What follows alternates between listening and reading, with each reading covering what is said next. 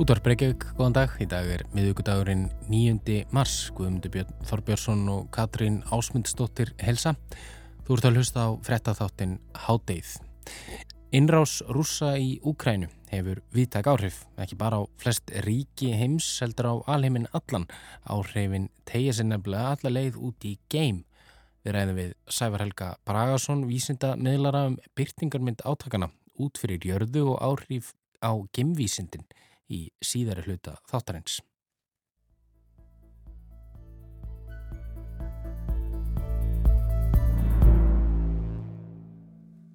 En við byrjum á COVID. Nýleg rannsókn í vísindatímaritinu Nature hefur vakið þó nokkra aðtökli en í henni kemur fram að heilin í þeim sem hafa fengið COVID-19 sjúkdóminn getur dreyjist saman um alltaf 2%. Þá getur COVID haft langvarandi áhrif á minni og vitræna eða skilvitlega getu sem og lyktarskinn. Guðmundubjörn veit meira.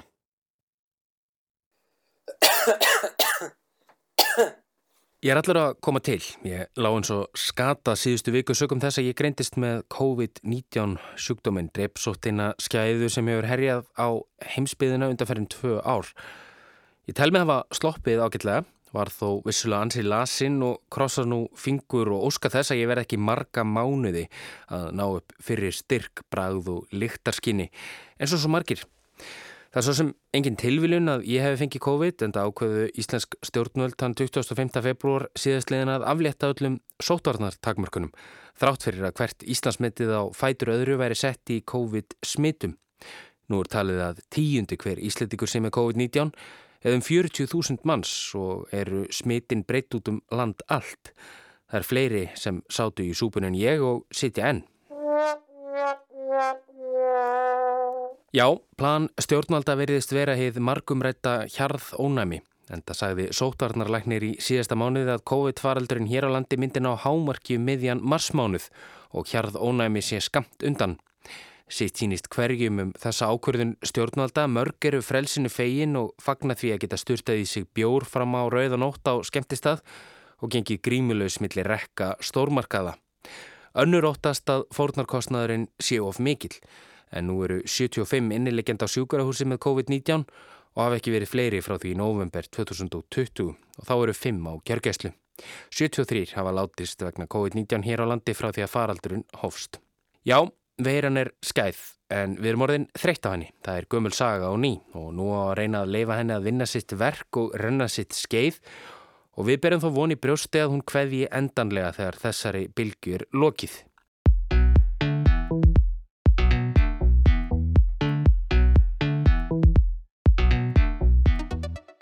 En aftur að fórnarkostnaðinum. Nýlega byrtist rannsókn í vísindatímaritinu Nature eftir hóp fræðimanna sem komst að heldur óþægilegum niðurstöðum. Í rannsókninni kemur fram að heili þeirra sem greinst hafa með COVID-19 geti hafa mingað eða skroppið saman eftir COVID-smitt. Já, þú heyrði rétt hlustandi góður, heilin mingar. 800 manns tóku þátt í rannsókninni, þau fóru í heilaskanna bæði fyrir og eftir smitt og niðurstöðunar benda til þess að rýrnun og heila getur mælst hjá þeim sem hafa fengið COVID-19. Þessi rýrnun er þrenskonar. Þygt, svo kallast grásefnis í heilanum rýrnar, vefjaskemtir eiga sér staði í þeim hluta heilan sem virkjar lyktarskinn okkar og svo lókum rýrnar heilin almennt meira eftir COVID-smitt. Í tilviki réttur rúmlega helmings þáttakanda er rýrnaði gráa efnið í heilanum. En hvað er þetta gráa efni? Þurriður Þorbjarnadóttir Lífræðingur segir á vísindavefnum að í gráefninu séu taugabólir með kjarna og flest önnur frumu lífari taugunga og stuttir taugaþræðir. Hugsun og úrvinnsla heilans fer aðalega fram í gráefninu. Opp, opp, opp. Sem sagt, ef gráefnið er yrnar getur það haft áhrif á minni okkar og aðra vitrænaða skilvillega getu. Í rannsókninni kemur fram að þau sem hafðu smitast af COVID verið fyrir 0,2 til 2% viðbótar rýrnun í heilanum. En eðlilegt er að fólk missi 0,2 til 0,3% af gráefninu þegar það eldist.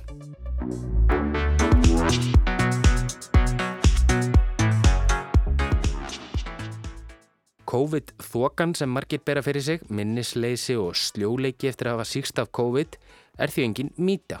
Hún er vísindaleg staðrind sangkvæmt niðurstöðum Nature. Aðalhöfundur rannsóknarinnar Gwenelle Doaut í háskólanum í Oxford segir að rannsakendur hafi valið þá þáttakendur í rannsóknina sem fengu væga síkingu af COVID-19. Það er, viktust ekki alvarlega. Niðurstöðunar hafi því komið töluvert á óvart. Meðal annara niðurstaðana rannsóknarinnar má nefna að þau sem hafðu nýlega fengið COVID-19 og tóku þátt í rannsókninni áttu erfiðar um vik með að framkama flókinverkefni sem reyndu á heilabúð.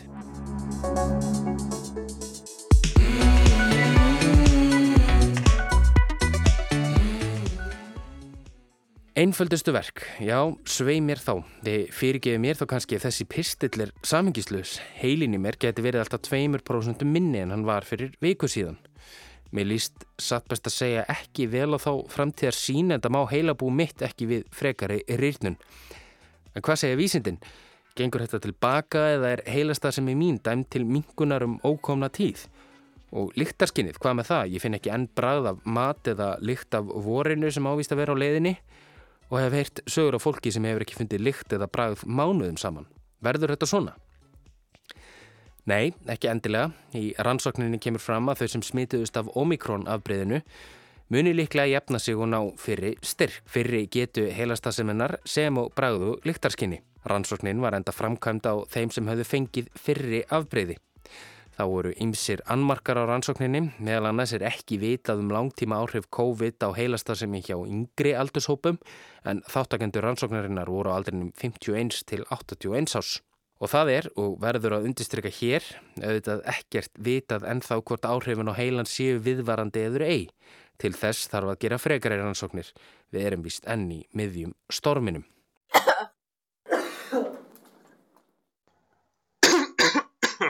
En eftir stendur svo staðrind að heimsfaraldri COVID-19 er hverginari lokið, þó svo stjórnvöld viða um heimsi farin að slaka all verulega á sóttvarnartakmörkunum, þótt fá hafi gengið að blankt og íslensk. Og við munum auðvitað ekki vita hver langtíma áhrif COVID eru, nú eða bólusetninga, fyrir en framlýða stundir. Við getum þó vonað að þetta hundleiðilega og átakanlega tímabili í mannkinn sögunni sé senna á enda, sé að renna sitt skeið.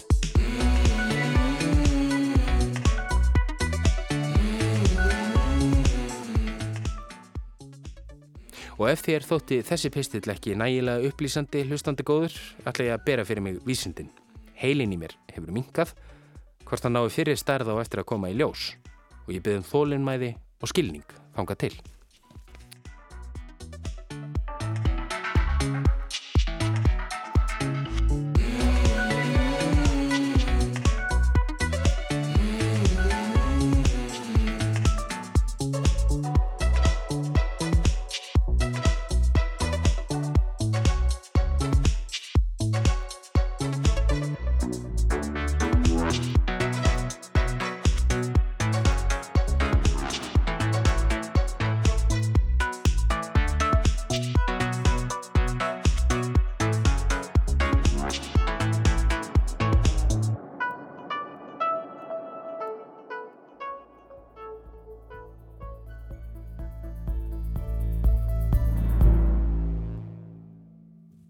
Og við þetta má bæta að Hildur Helgadóttir, formaður farsóta nefndar, sæði fréttum Rúfi Gjæra að nú verði sá hópur sem hvað mest var reynd að verja fyrst verst úti.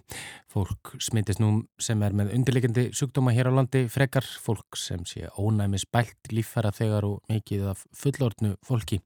Og hún segir að það geti haft afdreifrikar afleðingar fyrir eldra fólk að veikjast ítla á lenda og spítala og erfitt sé að ráða við hvern einasta dag, segir Hildur og að staðan sé erfitt víða um land. Hún byrjar því til almennings að fara varlega og reyna að draga enn úr smittum. Já, þetta er vist ekki búið alveg enn.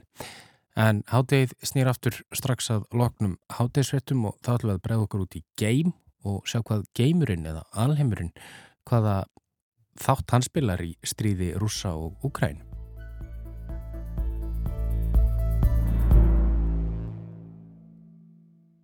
Innrás rúsa í Úkrænu hefur viðtæka áhrif, svo viðtæka þau tegja sig alla leið út í geim. Nú hafa borist fregnir af því að innrásinn geti haft áhrif á afdrif alþjóða geimstöðvarinnar ESS sem hefur verið á sporbögum jörðu síðan 1998.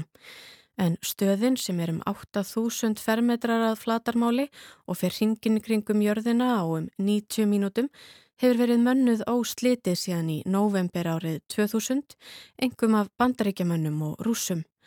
Sem stendur eru nú tveir rúsneskir geimfarar um borð, einn evrópskur og fjórir bandarískir og engin undankomi leið.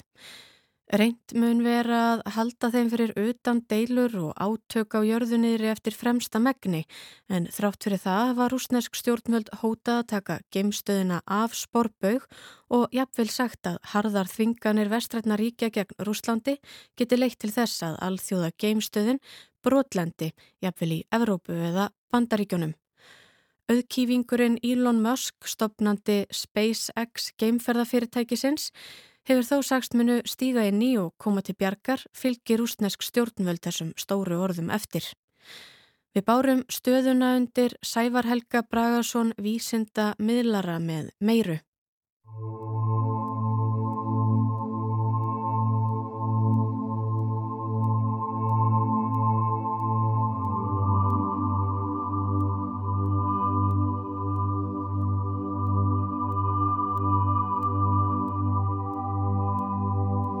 Einrásin í Úkrænu, hvernig tegja átökin sig alla leið út í geim? Nú er náttúrulega Rúsland í mikillir samfunnu við Evrópu, Bandarækin, eh, jafnvel Kína og fleiri ríki í heiminum og þetta setur náttúrulega stryk í þann reikning heldur betur. Eh, frægust er eflaust samfunna þeirra í alþjóðlegu geimstöðinni þar sem rússar hafa náttúrulega árum saman verið þeirra einu sem hafa haft eldflög til að flytja menn og byrðir eh, til geimstöðurinnar en það hefur reynda breyst núna undarfarið með tilkomi SpaceX og eldflöðuna þar og nú eru bandrækjuminn loksis aftur komnu með tækna til þess að geta sendt gemfara frá sinni, sínu eiginlandi til gemstöðurinnar og flutta heim líka.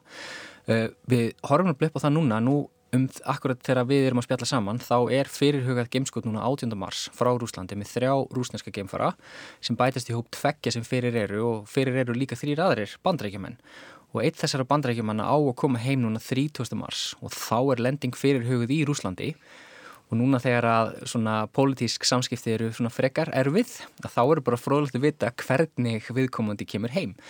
Hins vegar hefur þessi samvinna oft verið mjög friðsamleg og ekki alveg kannski taktu pólitíst ástand sem betur fer en samt sem áður þá er þetta svona svolítið viðkvæmt og sérilega vegna þessara miklu samvinni sem á sér stað. Svo er annað verkefni núna sem bara búið að fresta og það er uh, Mars-jeppi sem heitir ExoMars, Rosalind Franklin-jeppin sem að Evrópa ætlar að senda til Mars og Eh, það er rúsnesk eldflög sem á skjóta honum á loft og það er lendingar eining þessa jæppa er líka rúsnesk þannig að það er bara búið að gefa þú út að það verður ekkert af þessum leðangri að þessu árið því miður og þá þarf að býða í tvö ár þangar til að Mars og jörðin mætast aftur.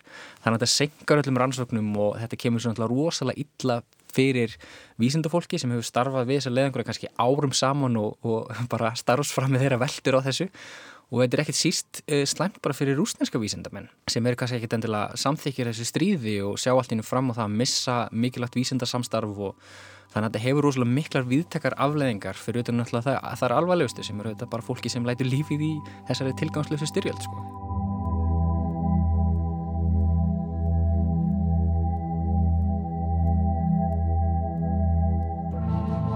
Maður sá það sko mm rúsnesk stjórnvöld hefur jafnvel haft í sko hótunum að einhvern veginn tala um að setja kannski alþjóða geimstöðuna af sporbaug mm -hmm. og jafnvel að þessar þinganir gætu leitt til þess að alþjóða geimstöðun myndi brotlenda í bandreikinum með Evrópu. Já.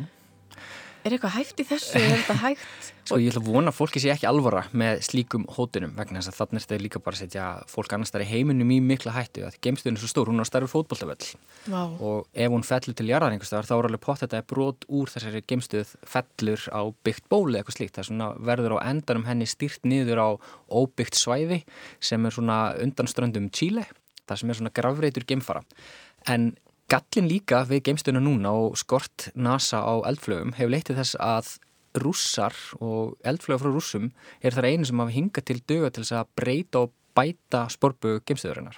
Það því að hún finnur alltaf fyrir smá loftmótstöðu og lækkast mm -hmm. á breytin. Þannig að annars lægi þarf að gefa henni smá svona lift, þannig að hún liftist aðeins upp og það hefur bara hingað til núna undanfærin ára verið eh, rúsnesk eldflug sem við geta þetta. Er rúsnesk eining á gemstöðinni og ef þeir gera það ekki þá náttúrulega hægt er ólega að lækka breytin og fellur fyrr til jarðar á undan áallin og augluslega verða engin mennum borð þá því það verður búið að flytja allar burt.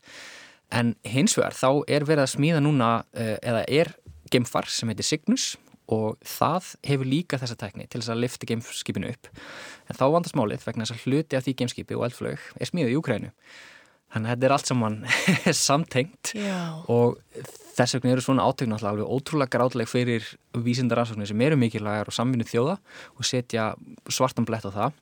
En ég held að allir sem eru svona með eitthvað á mitt leirnina séu algjörlega áfram um það að, að, að það verður, já við þurfum allavega bara krossleiki fingur um að það verði ekkert svona alveglegt gert bara sem mm -hmm. betur fera því að þetta var algjört rögl en rússar hafa hins vegar líka uh, bara gerist fyrra á þessu orðið í fyrra, ég man ekki hvort það var en þeir sprengdu gerfitungl sem var skamt frá geimstöðinni.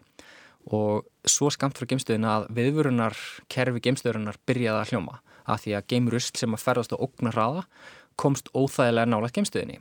Og ef slíkt rusl bara segjum á starfið bara tíkallið eitthvað svo leiðis þann getur leikandi broti gata á gameskipið og bara sett alla áöfnina algjörlega í hættu.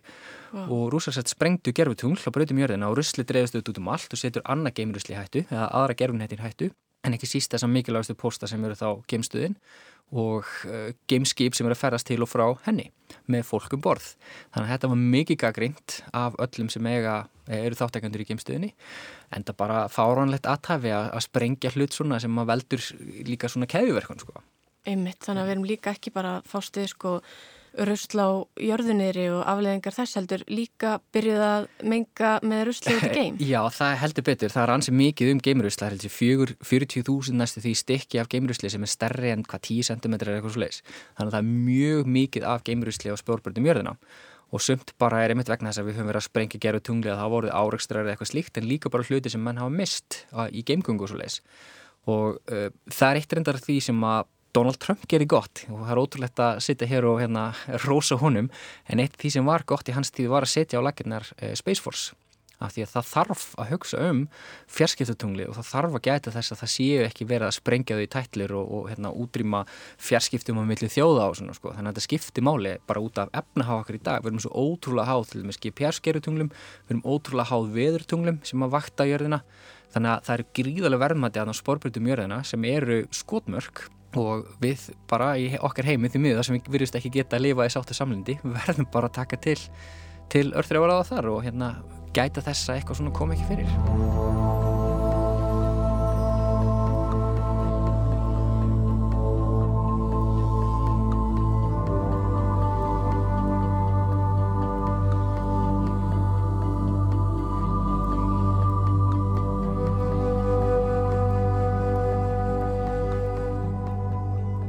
Musk hefur sagt að hann uh, sem sko stofnandi SpaceX muni geta stíð inn í og komið til bjargar ef að rússar svona láta verða af uh, hótunum sínum mm -hmm. um alþjóða gemstöðuna.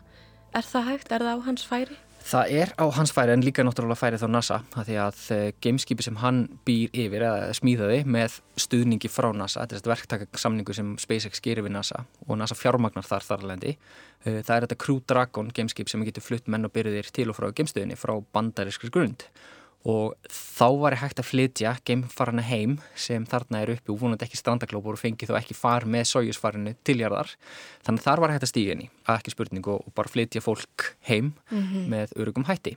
En svo náttúrulega kemur SpaceX líka inn með Starlink gerfnættaþyrkminguna sem er sko alls ekki umdelt og óumdelt segi og væri alveg þess verði að fjalla einhvern tímunum en eh, hún samsagt, þetta er svona gerfunhætta þyrping á uh, lári jarðbraut, frekar látt á lofti og hún tryggir netsamband á svæðum þar sem kannski netsamband hefur opnað. Og mm. nú hefur SpaceX stíð upp og reynt að tryggja netsamband við Ukrænu með því að senda þeim móttakarna sem þarf á að halda til þess að komast í samband við Starlink gerfunhætta þyrpinguna. Og þá vandast málun líka því að það er jafnvel hægt að rekja hvaðan verið er að taka þetta. Þannig að hann, uh, Elon Musk, týsti um daginn í raun og voru sæðið mikilvægi þess að gera þetta í mjög miklu hófi og geta þess að þetta væri þá fjarrri öllum, öllum fólki og byggingum og einhverjum svona skotmörkum mögulegum rúsa þess að geti bara hreinlega rakið hvaðan samskiptin eru að koma. En þetta allavega tryggir það að það er hægt að koma upplýsingum á framfari frá stríðsráðum ríkjum sem er mjög gott. Þannig að þetta gagnast alltaf á endanum og SpaceX fyrir örgulega líka að taka svona game varnir meira alvarlega núna heldur en áður og ég er vissum að fleiri gera það, líka Evrópa og sömulegis fleiri af þessum enga fyrirtekjum sem er að skjóta gameskipum út í geimi.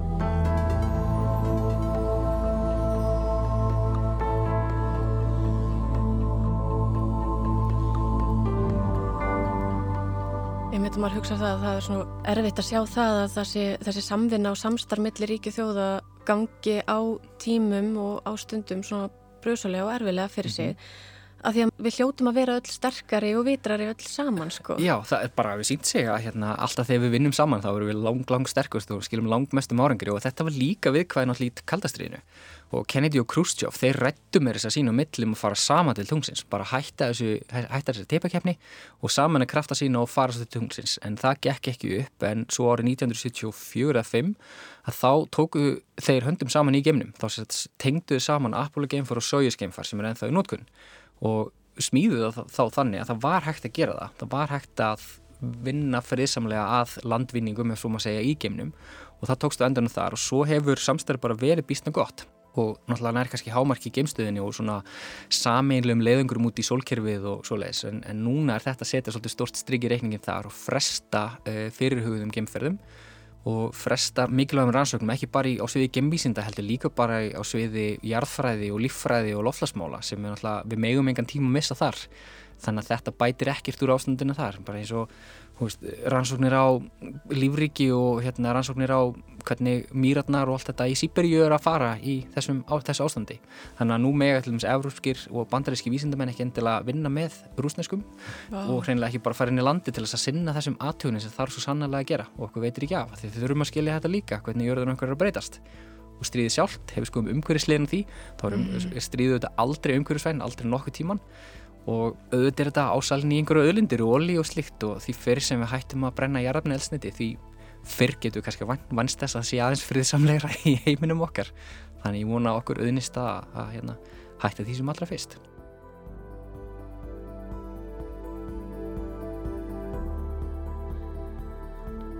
Þetta sagði Sævar Helgi Bragarsson vísinda, miðlari og jarðfræðingur Hátið verður það ekki lengra í dag en við verðum hér auðvitað á sama tíma á morgun. Þátturinn er einni aðgengilegur í spilaranum og á hlaðvarpsveitum og þá er þetta að senda okkur post með ábendingum á netfangið hátegið hjá rúf.is. Verðið sæl.